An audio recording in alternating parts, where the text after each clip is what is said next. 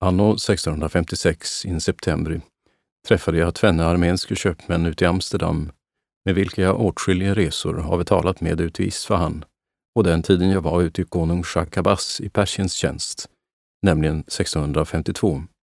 Den ena benämnd Karakan, den andra Rudolf Konstantin. Detta landet är ett folkrikt land, ett ödmjukt och näraktigt folk. Här faller en skön ymnighet av korn, vete och vin. Därtill mycket skön boskap och allehanda matvaror. Ut gudstjänsten, i synnerhet med mässande och andra kyrkoseder, är och det katolska om intet olike. Allenast att de göra sina mässor på sitt modersmål och deras präster tagas i hustrur. Deras patriark, benämnd, och den tiden jag var där, Filippus, en from och god man, bor ute i staden Erivana, vilken stad ligger rätt under berget Ararat och är en öppen fläck och kan inte göra någon fiende motstånd. Och är här i staden såväl nunne som munkekloster. På norra sidan om berget ligger en liten stad benämnd Naxevan. Det är den första boning.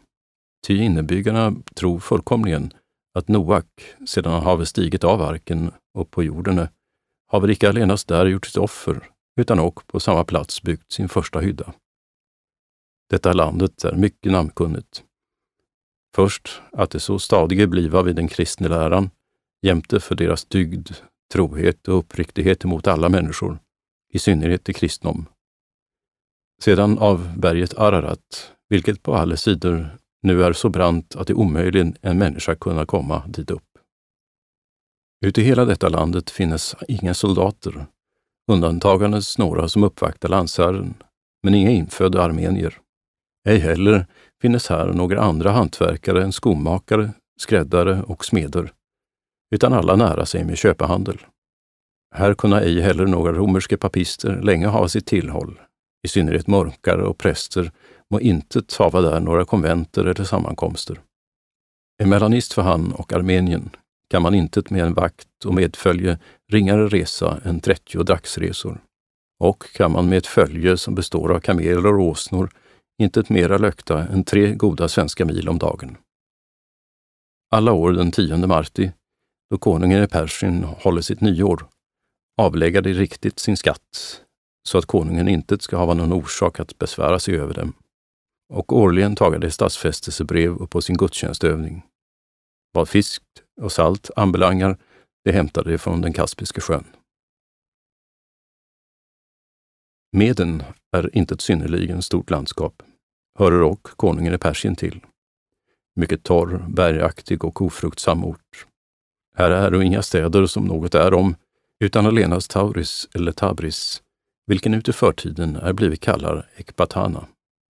Den där är nu mycket förfallen och av de persianer förstörd, emedan inbyggarna ute i Chaksefi tid gjorde uppror och ville göra sig en särdeles konung. Ty lät ovan bemälte konung nedriva alla fasta orter och största delen av invånarna bortföra. Här ute i Tauris vises konung Ahasveri kostlige palats, och ehuru väl det är mycket förfallet, likaväl kan man se att det har varit en övermåttom skön byggning. En franciskanermunk benämnd pater Hieronymus visade mig strax där utanför en plats på vilken han sade Haman skulle ha blivit upphängder. Detta Tauris ligger rätt ut med Kaspiska sjön. Det driver mest sin handel med fisk. Här vid Tauris eller Tabris är det många höga berg, vilka Alexander den store först intagit haver förrän han bestormade staden, och uti den en sådan övermåttens skatt bekommit som intet var till att beskriva, varutav Alexander blev så högmodig att han ville låta hälsa sig för en gud. Här finnes också många åminnelser ännu i denna dagen efter Alexander den store. Partia, eller Parten, bliver nu kallat Arrak. Ute detta landskap är och tvenne stora och förnäma städer, Istfahan, där konungen Persien bor, och Amadan. Denna staden, Amadan, ligger åtta dagsresor sydväst ifrån Istfahan, är till förne och, ännu ut i skriften, blivit nämnd Susa. Denna staden är mycket namnkunnig, icke allenast för sin ålderdom, utan och för de sköna hantverkare som här ute i bo. Här vävas och virkas allehanda gyllene silver och sidentyg. Ja, de skönaste tapeter och tecken som någonsin kunna finnas. Uti denna staden bor inga andra människor än judar, undantagandes Herren som där styrer, vilken är en persian och mahometist. Dem är efterlåtit att hålla sin frie gudstjänst och hava där sin kyrka. Det blev och tvungna av ståthållarens utskickade att låta oss besiktiga sina samkvämer och annat som märkligt var. Viste oss alltså först drottning Esters och Mardokaj begravning, item profeten Daniels grav, vilka judarna höll i stort värde. Utanför staden, vid älven Vlaj, vilken löper igenom staden, var upprest en vit pelare. Där sade det att profeten Daniel skulle hava sett synen om de fyra stora regenter i världen. De kristna armenier visste oss ett mäkta vackert hus, dock mycket förfallet, vilket föreboro skulle vara den synagogan varav de helige tre konungarna skulle ha utgått till att offra frälsaren Kristo guld, rökelse och myrra.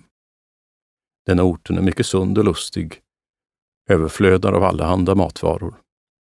Ibland allt annat som vid den orten faller, så växer här ett slags vitt vin, vilket, ehuru väl det är något bittert till smaken, så är det lika visst ännu människor mycket hälsosamt. Dessa judar brukar ut i säljande och köpande lika maner med de persianer, i det de sälja ved, mjölk, vatten, vin etc. I en summa allehanda matvaror. Isfahan är konungens säte ute i Persien. Bliver ute i sin vidd så stor räknader som tre gånger Paris ute i Och ehuruväl jag ut Paris aldrig varit haver, kan jag åka av dess storlek inte veta. Men det är sant att Isfahan, vilket till Förnö och ännu ut i lantorten blivit kallade Hagistan, är så stor att man honom med en häst haver nog att omkring resa uti sex dagar utanom, men innanom murarna tre dagars tid. Denna har fyra förstäder, av vilka det förnämsta är Julva, vilken är väl så stor som hela Stockholms stad med Norrmalm och Ladugårdslandet. Häruti bo alla kristne och har sin egen dom och rätt. Domaren är en armenier och håller sin stat så präktig som en förste. Och är det så att en turk har oförrättat en kristen, så bliver saken uti i det turkiske kadi förhört och turken av sin överhet straffad. Men är skulden hos en kristne, så bliver han överskickad till det kristne rådet och må ingen förskona utan strax straffa den brottsliga. De kristna har här sin tros fria övning. Ja, konungen själv kommer är som oftast ut i deras samkvämer och anser deras gudstjänst med stor allvarsamhet. Munkarna har stor gunst hos konungen och är mycket frikallade, i synnerhet de augustiner, ty de hava en mäkta skön kyrka. De karmeliter två, de franciskaner och två, men de armenier sex. Den persiske konungens stat och hov anbelangande så var den regerande herre och den tiden jag där vistades en mäkta from och ung herre benämnd Shah Abbas, vilken jag med många andra europeiska kristna tjänte ut i 18 månader för soldat. Hans ålder var anno 1652 tu och 20 år.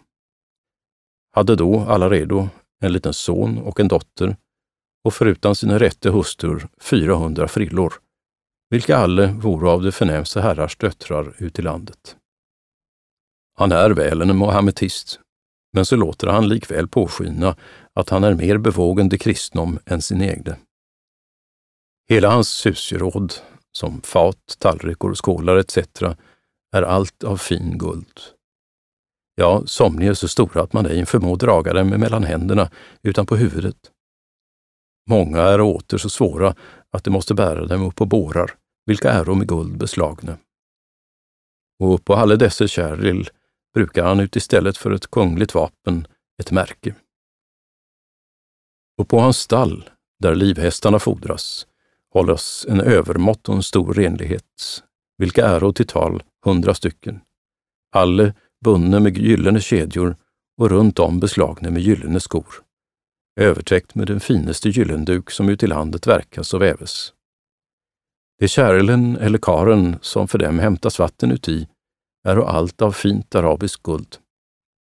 Uti stallet, för var häst, hänga mäkta sköna och kostliga sadlar med sadeltecken, väl utstofferade var och varannan med diamanter, turkoser, safirer, rubiner etc. Därtill det ståtligaste som någonsin kan vara med stora pärlor besatte. In summa, allt vad man där ser är intet annat än av klart guld. Ja, hakarna varupå portarna är hängda, såväl som allt annat. Ute i portervalvet har han på den ena sidan ståendes en bergkatt, vilken gör folket skade då han kan räcka dem. Han är så stor som den största kattlo, men till färjan grå.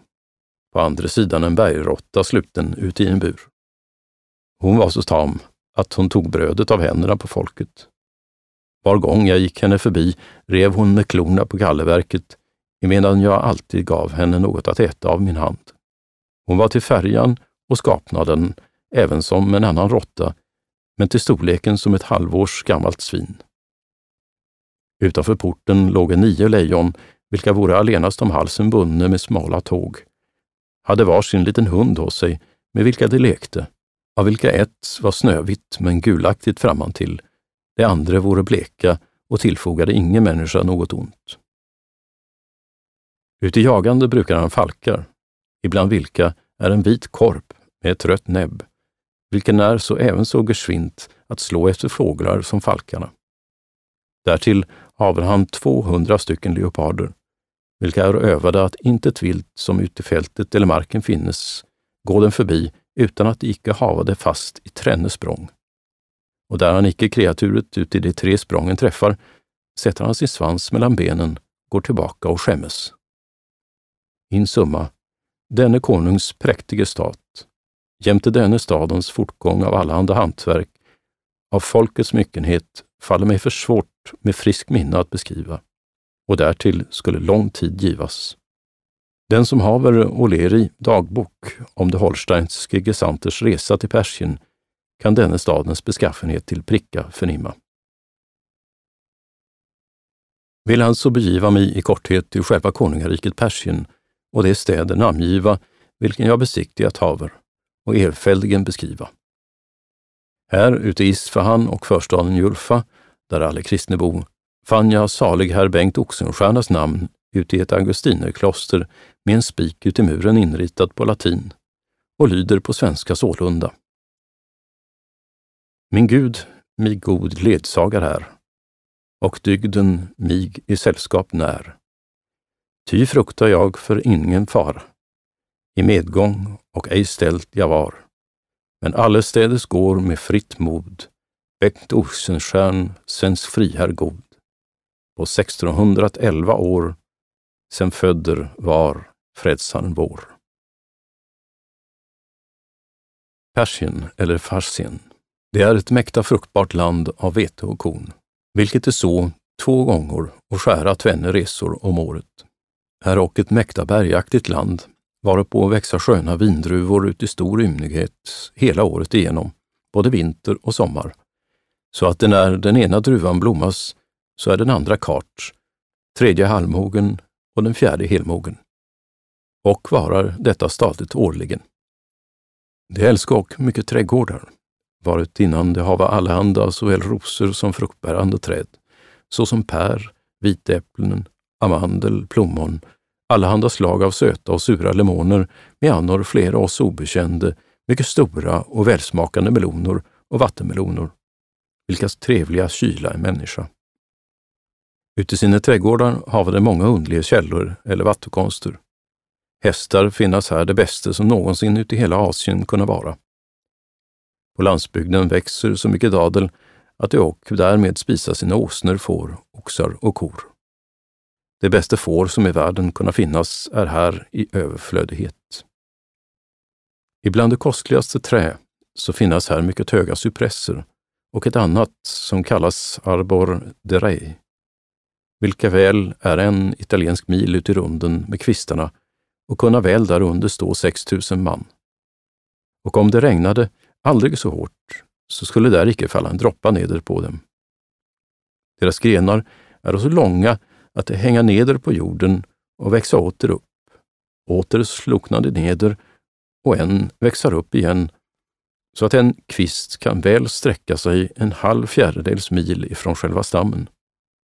Det har väl stora blad men bär ingen frukt, utan när man bryter av en kvist så flyter där en vit saft ut, vilken, där han kom och ut i någon människas ögon, blev hon strax blind. Här är dock mycket av hjortar och vilda svin, vilka de persianer inte äta. Men ville åsnor, dem äta det. Här är också ett slags odjur, vilka de kallar jackhalser, en varg, inte ett olike. Dessa taga eller göra stor skada på både fåglar och djur. Ja, där de sina döda icke väl begrava ut i faste och djupe gravor, så grava de dem upp och förtära dem. De kristna menar att detta skulle vara hyena, om vilka de naturkunnige skriva. Åtskilliga slags fåglar finnas här, men inga gäss, utan höns och åkerhöns, några hundrade tillsammans ute i skocken. Stora och små törsteduvor, traner, hägrar, storkar, kroppsgäss etc. Pelikanen finnes här och, men aldrig hugga han upp sitt bröst över sina döda ungar, ej heller skickar hans näbb därtill att han så ska kunna hugga som naturskribenterna förmäla. De persianer är av färgen vita, dock lite mer benägna till gult. Är ett högmodigt, girigt, stridbart folk. Uti klädebonaden likade poler, undantagandes huvudbonaden, för vilket det hava ett mandel eller tullband. Konungen kan i några dagar bringa många tusen man till häst, av vilka somliga är munderade med panser, skjortor, pilar och bågar och somliga med spetser. Till fots brukar han inget synnerligt. De hava mycket svåra musketer och slår deras hane över åt mynningen och icke till anslaget. Deras luntor är av bomull. Ute i fält brukar han också stycken, men bliva allt regerade av kristne. Och den tiden jag där var beställde en engelsman och en holsteiner om artilleriet. Ute i gränsen mellan parten, eller Persien, ligger en liten stad benämnd Ilsikas, varuti bo allt mohammetister och äro alle lantmän. Faller och här det bästa vete som ute i landet finnes, varav det sig mycket berömma. Och när de säga att det är non de Jessicas, så älskade de därutöver allt annan vuxensäd i landet. Gesed är en mäkta vacker stad, vid pass två italienska mil ut i sin krets. Här inne regerar en konungens frände benämnd sultan Mesadi. Staden är väl med en mur omdragen, dock är muren inte mycket stark. Men hart vid staden ligger ett högt berg, varutpå ligger ett slott. Där ligger några stycken uppå och många soldater. Dit efter ingen främmande komma, och de soldaterna som där ligga må aldrig komma därav så länge de leva. Dit upp är intet mer än en väg eller en smal gång och bliver dit uppsläpat allt vad till deras nödtorft behöva av bockar och små åsnor. Här är dock mäkta sköna byggningar, i synnerhet deras kyrkor av glaserad sten. Här drives och en mäkta stor handel med allehanda varor, i synnerhet med ädla stenar, gyllen och silverduk, allehanda slag av gyllene och silkestyg, bomullslärft, tapeter, tecken etc. förutan allehanda matvaror.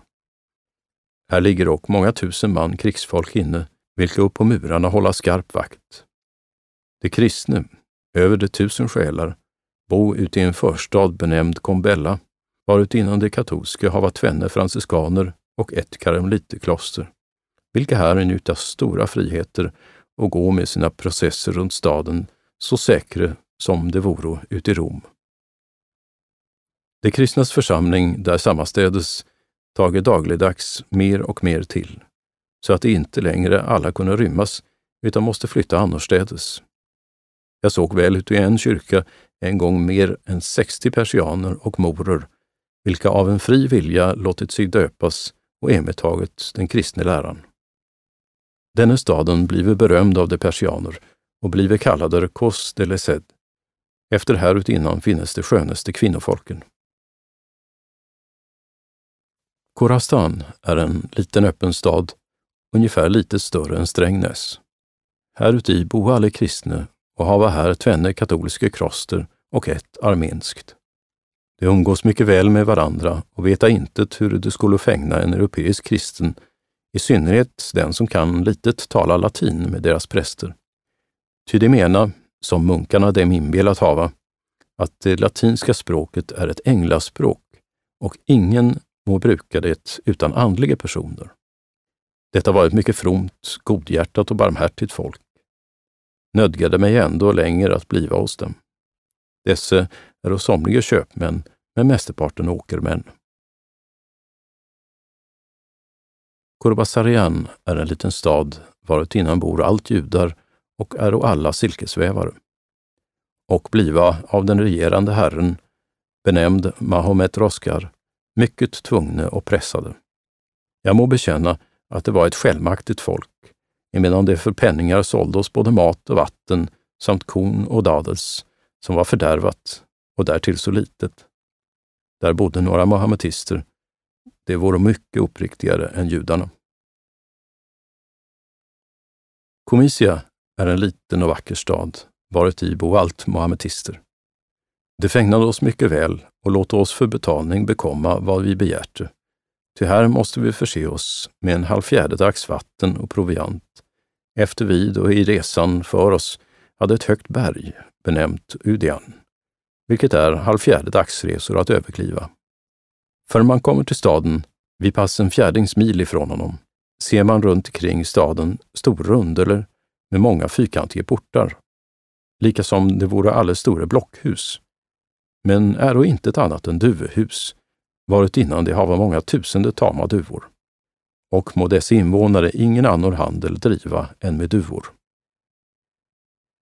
Strax utanför staden är en liten kyrka med ett runt torn, varit innan är en grav, vilken de hålla ut i stor vördning, sägandes att där ligger en av de förnämste Mohammeds apostlar, benämnd Abu Peter, begraven. Här brännes många lampor både natt och dag. Oss kristna blev intet efterlåtit att komma därin.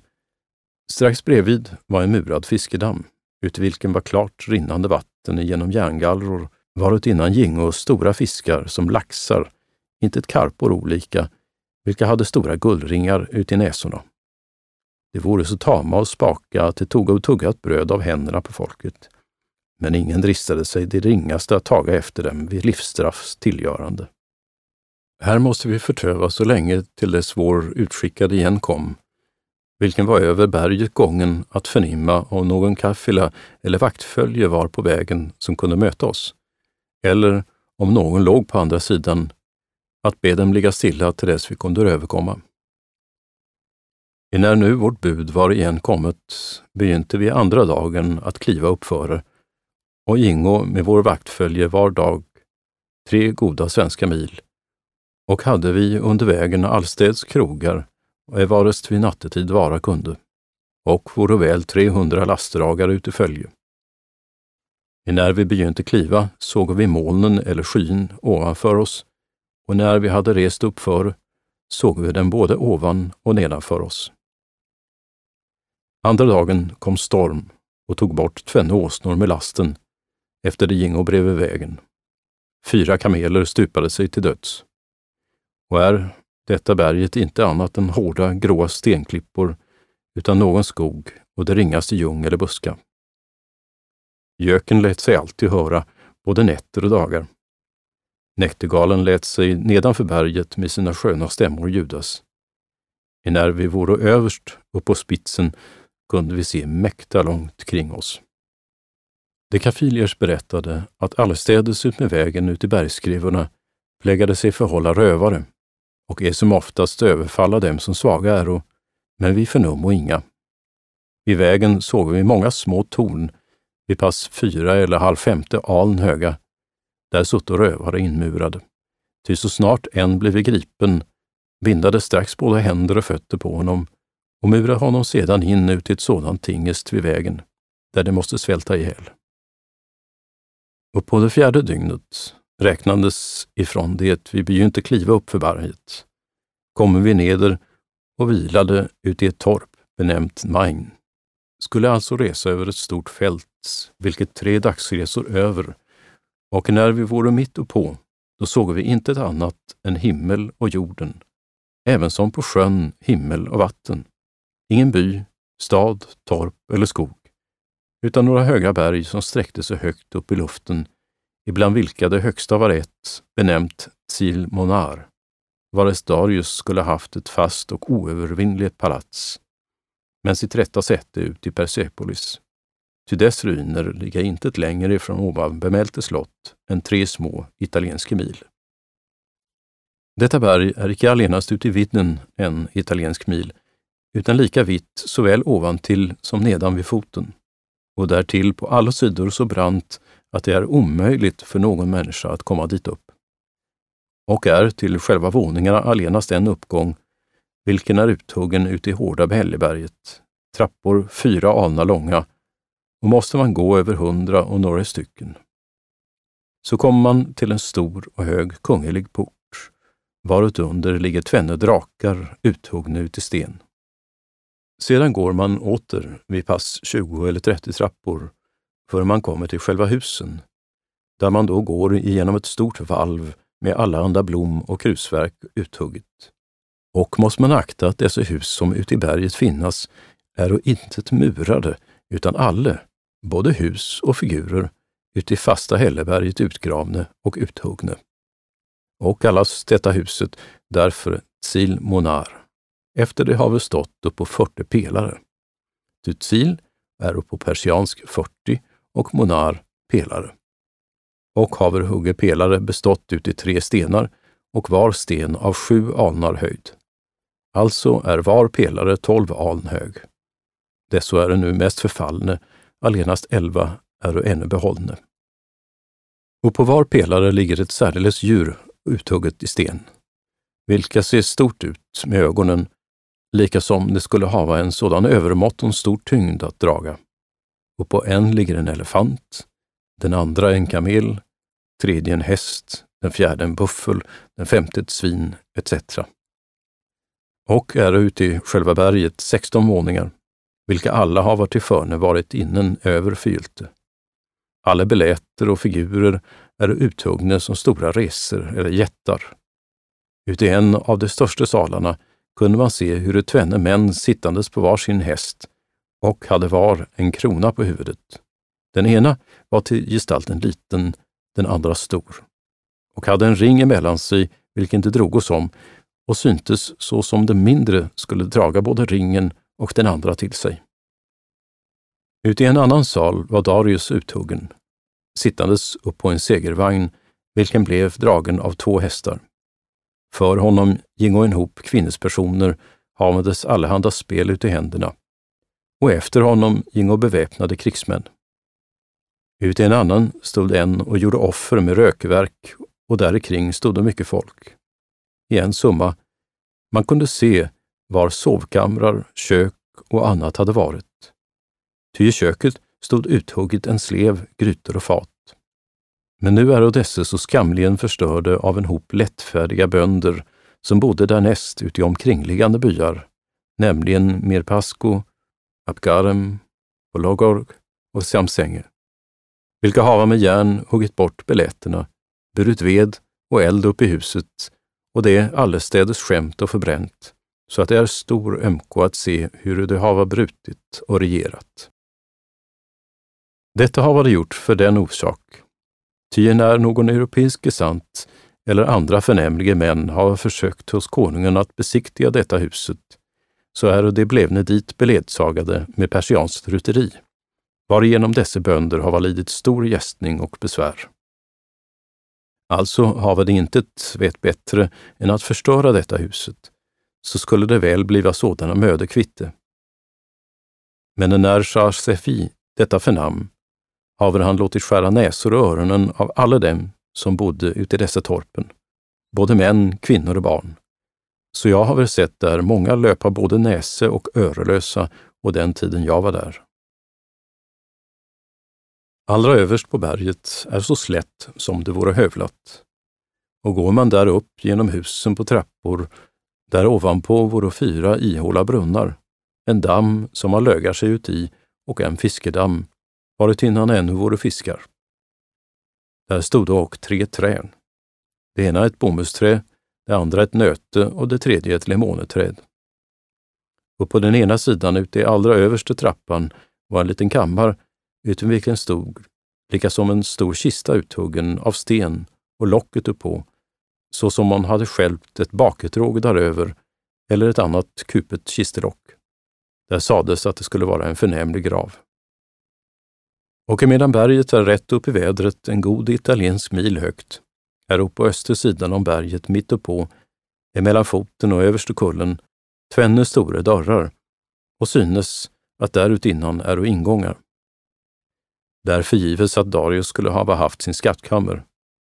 Hur det nu dit och dädan skulle hava kunnat kommit kan jag inte annorlunda avtaga än att det med tåg hava ovanifrån hissat sig upp och neder. Ty nedan hava det intet kunnat kommit, medan inte träd kan finnas så långt varav det kunnat göra sig stegar.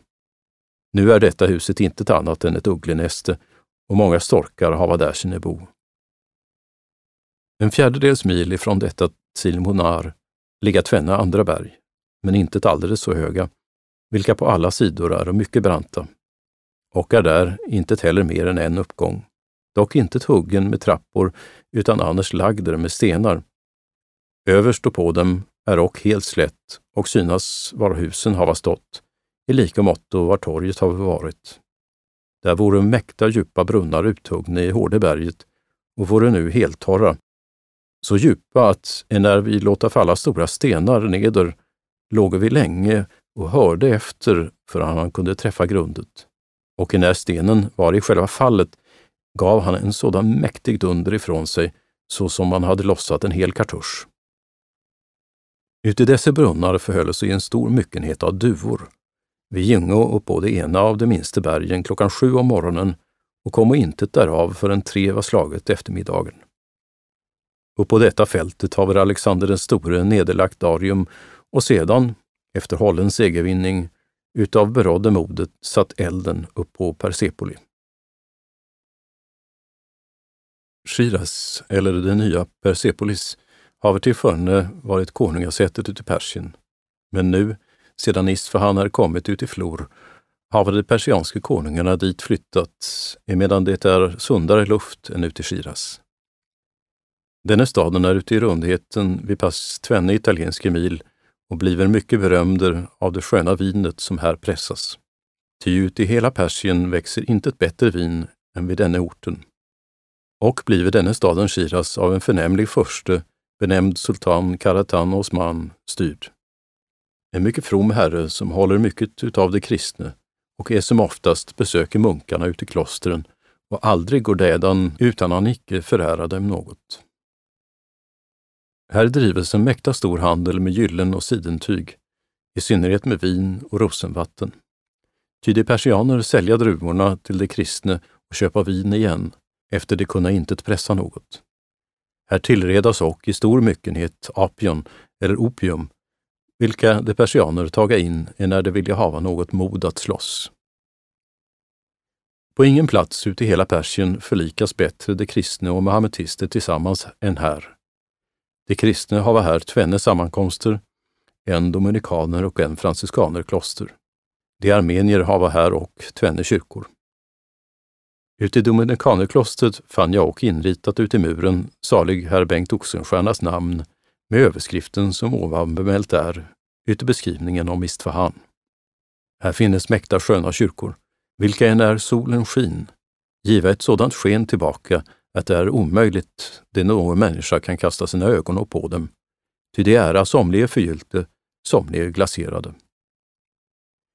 De mohammetister föreboro att ute i den turkiska kyrka, som var upp på taket all över förgyllt, skulle vara ett sådant heligt vatten att eho som ut i detta vattnet sig tvår eller tvättar, skall han strax bliva helbeläggda, det vare sig med var sjuka han kunde vara behäftad och säga det att Ali Mohammeds förnämste apostel, vilken och hade Mahommeds dotter benämnd Vateme till hustru, skulle med sina ord signa detta vatten, vilket är intet att tro. Och ehuruväl i denna staden är och finnas allestädes offentliga horehus, uti vilka allom blive efterlåtit att inträda, både kristen, turk och jude. Likväl så straffas här mycket skarpt de kvinnspersoner som träda ifrån sin äkta säng. Ja, om deras män förnommo att de med blotta ansiktet hava låtit sig skåda av någon främmande, så är och där tvenne höga stodar, lika tjocka upp och nedan, med trappor inuti murade. Där de med skarprättaren måste gå igenom till dess att komma överst uppå, och så bliver hon nedstörter. Men upp på horekaren sökes ingen plikt. Här bedrives och offentligt store och grove sodomitiska synder, både med unga drängar som och med små åsnor, som det till den ändan alltid hålla på stall, vilka intet bliva straffade. Ute denna staden är en övermåttan stor trädgård, vilken med allehanda fruktbärande träd mycket tätt planterat är, förutom blommor. Här är några sköna lusthus med heligt vatten nästan ut i var våning. Det är rinnande vatten var man kan läska eller svalka sin lekamen ut i stora solenes hetta. Därtill många fiskedammar. Och är denne trädgården en dubbel Tröjenborg, ty när man därin kommer och icke av trädgårdsbetjänterna blivit undervister, är det omöjligt att någon kan av gården utkomma. Jag har väl hört berättas att en dräktig åsna skulle hava oförvarandes ifrån sina drivare råkat ut i denne trädgården. Emellertid blev hon icke sedd eller träffad av någon trädgårdsbekänt förrän åsnans foster kunde vara två år gammal. Då blev starkt efterfrågat vilken åsnan tillhörde, så är en fattig lantman ankommen, den där igenkände sin åsna.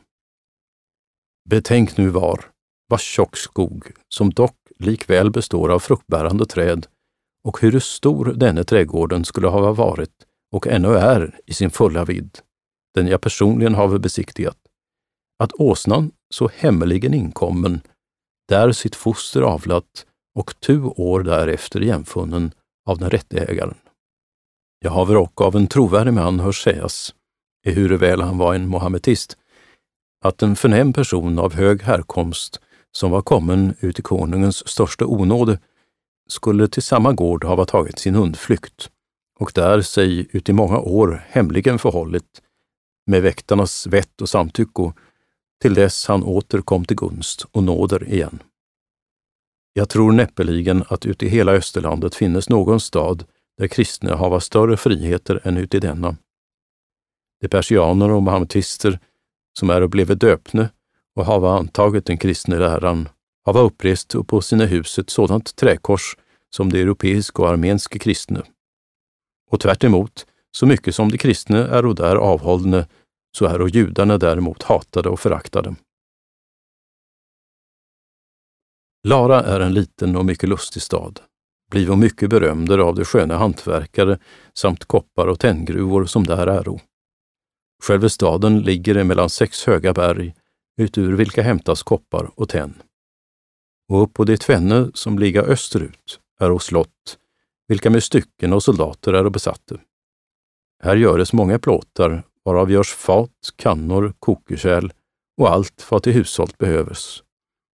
Vilket alla, i synnerhet faten, både utan och innan förtännas.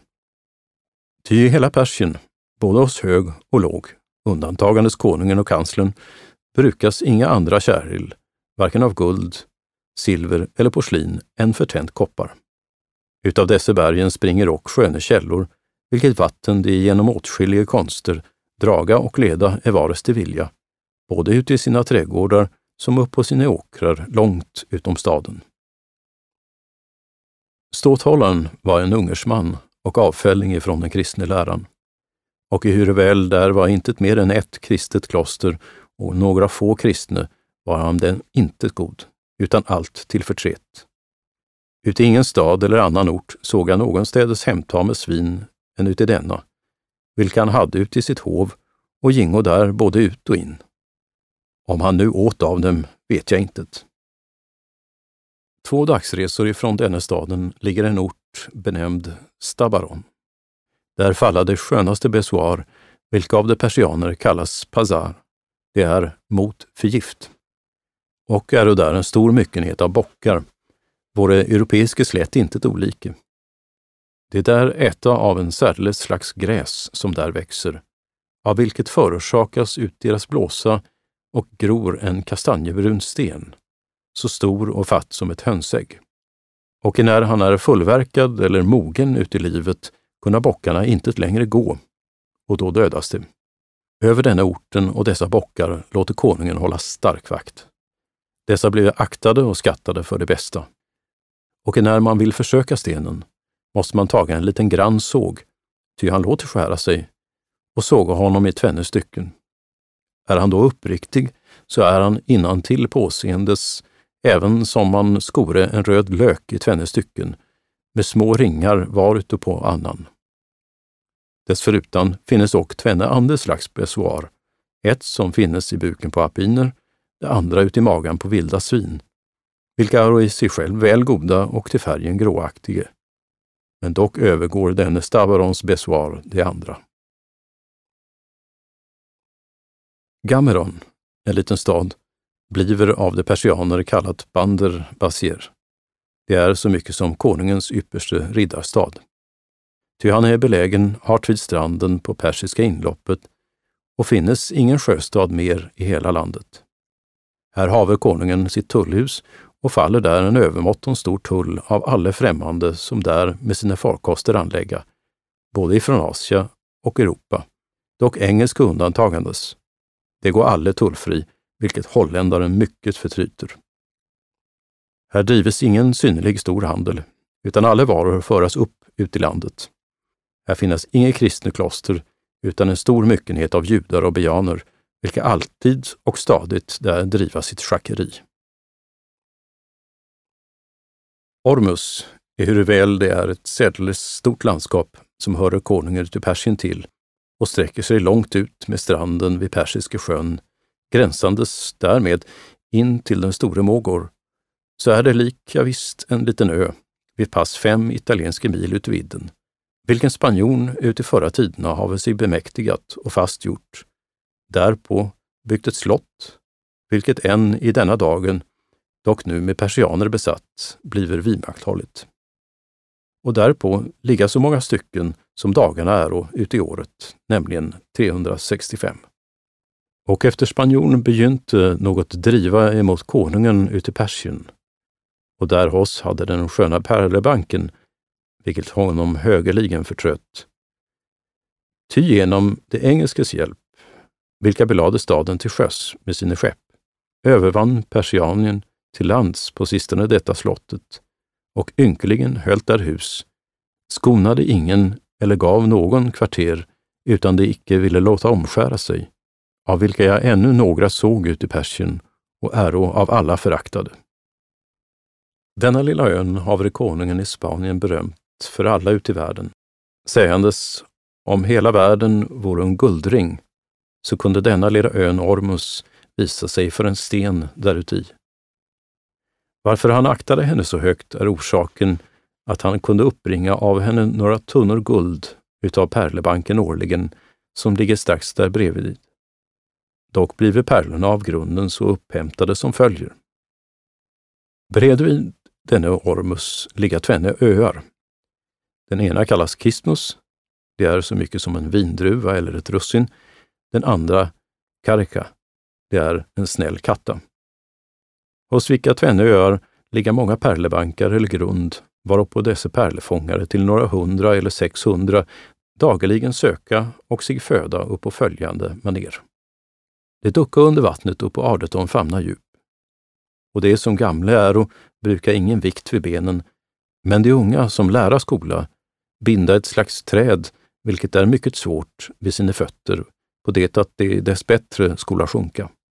Dock, förrän de går neder i vattnet, fastbindade sina förkoster både för och bak, så att de stadigt ligga.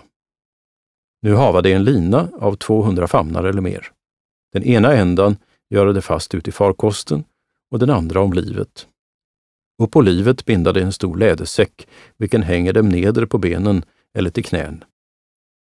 Och på armen binda de en stor svamp, den de fylla full med oljo, varet innan de kunna både låta och taga igen sin anda när den behagar och nödigt är. Härmed löpa de neder i botten och kunna väl vara nere mer än en timma förrän de komma upp. Ja, så länge som oljan varar i svampen kunde det vara under vattnet. Och ehuruväl vattnet ute i Persiska inloppet är mycket salt, hava det likväl en mycket frisk syn, och deras ögon aldrig fördärvas. Det ser mycket väl med dem på sjöbotten, även som det vore på landet, och plocka eller hämta sina säckar fulla med skälper eller musselskal, den ena gången efter den andra. Och när säcken är full hjälpa sig med händerna och så havade musslorna in ut i farkosten och åter sticka sina svampar ut i oljan igen. Dessa musslor är satta rätt som ostror, dock många vidare och större än en tallrik, varutinnan finnas under tiden tre, fyra eller fem, uti somlige inga pärlor. Och där man skulle sönderslå själva musslan emedan fisken en levande svoro, kunde och lätteligen pärlorna tillika omkomma. Ty kastas det för den skull ut i stora högar som någonsin det största hus kan vara uti solens hetta, där då fisken äntligen dö måste, och så spricker skölpen eller skalet ut i tvenne stycken. Då hämtas pärlorna oberäckte av skalen. Den tiden faller en förgiftig stank av de förruttnade fiskarna. Fisken kastas ut i sjön, men skälporna eller skalen samlar dig samman, varav de bränna kalk. Pärlorna bliva brakta till slottet Ormus, icke kannetals utan store tunnor. Och är upp på dessa bankar med duckarna ingen fara, varken i ett eller annat, som dagligen sker och tillgår på Pärlebanken benämnd Keiligatan, belägen ute i Indien och på Malebariska sjösidan emellan ön Ceylon och fastelandet, där duckarna dagligen bliva borttagna av krokodiler, om vilket hädanefter ska förmälas. Och därtill förundrande är, här faller på denna ö Normus en slags av salt, vilket blivit verkat av solen och haver en hög gyllene färja, även som dukateguld, blivit mycket högt skattat och därav sköna oljor brände till läkedom.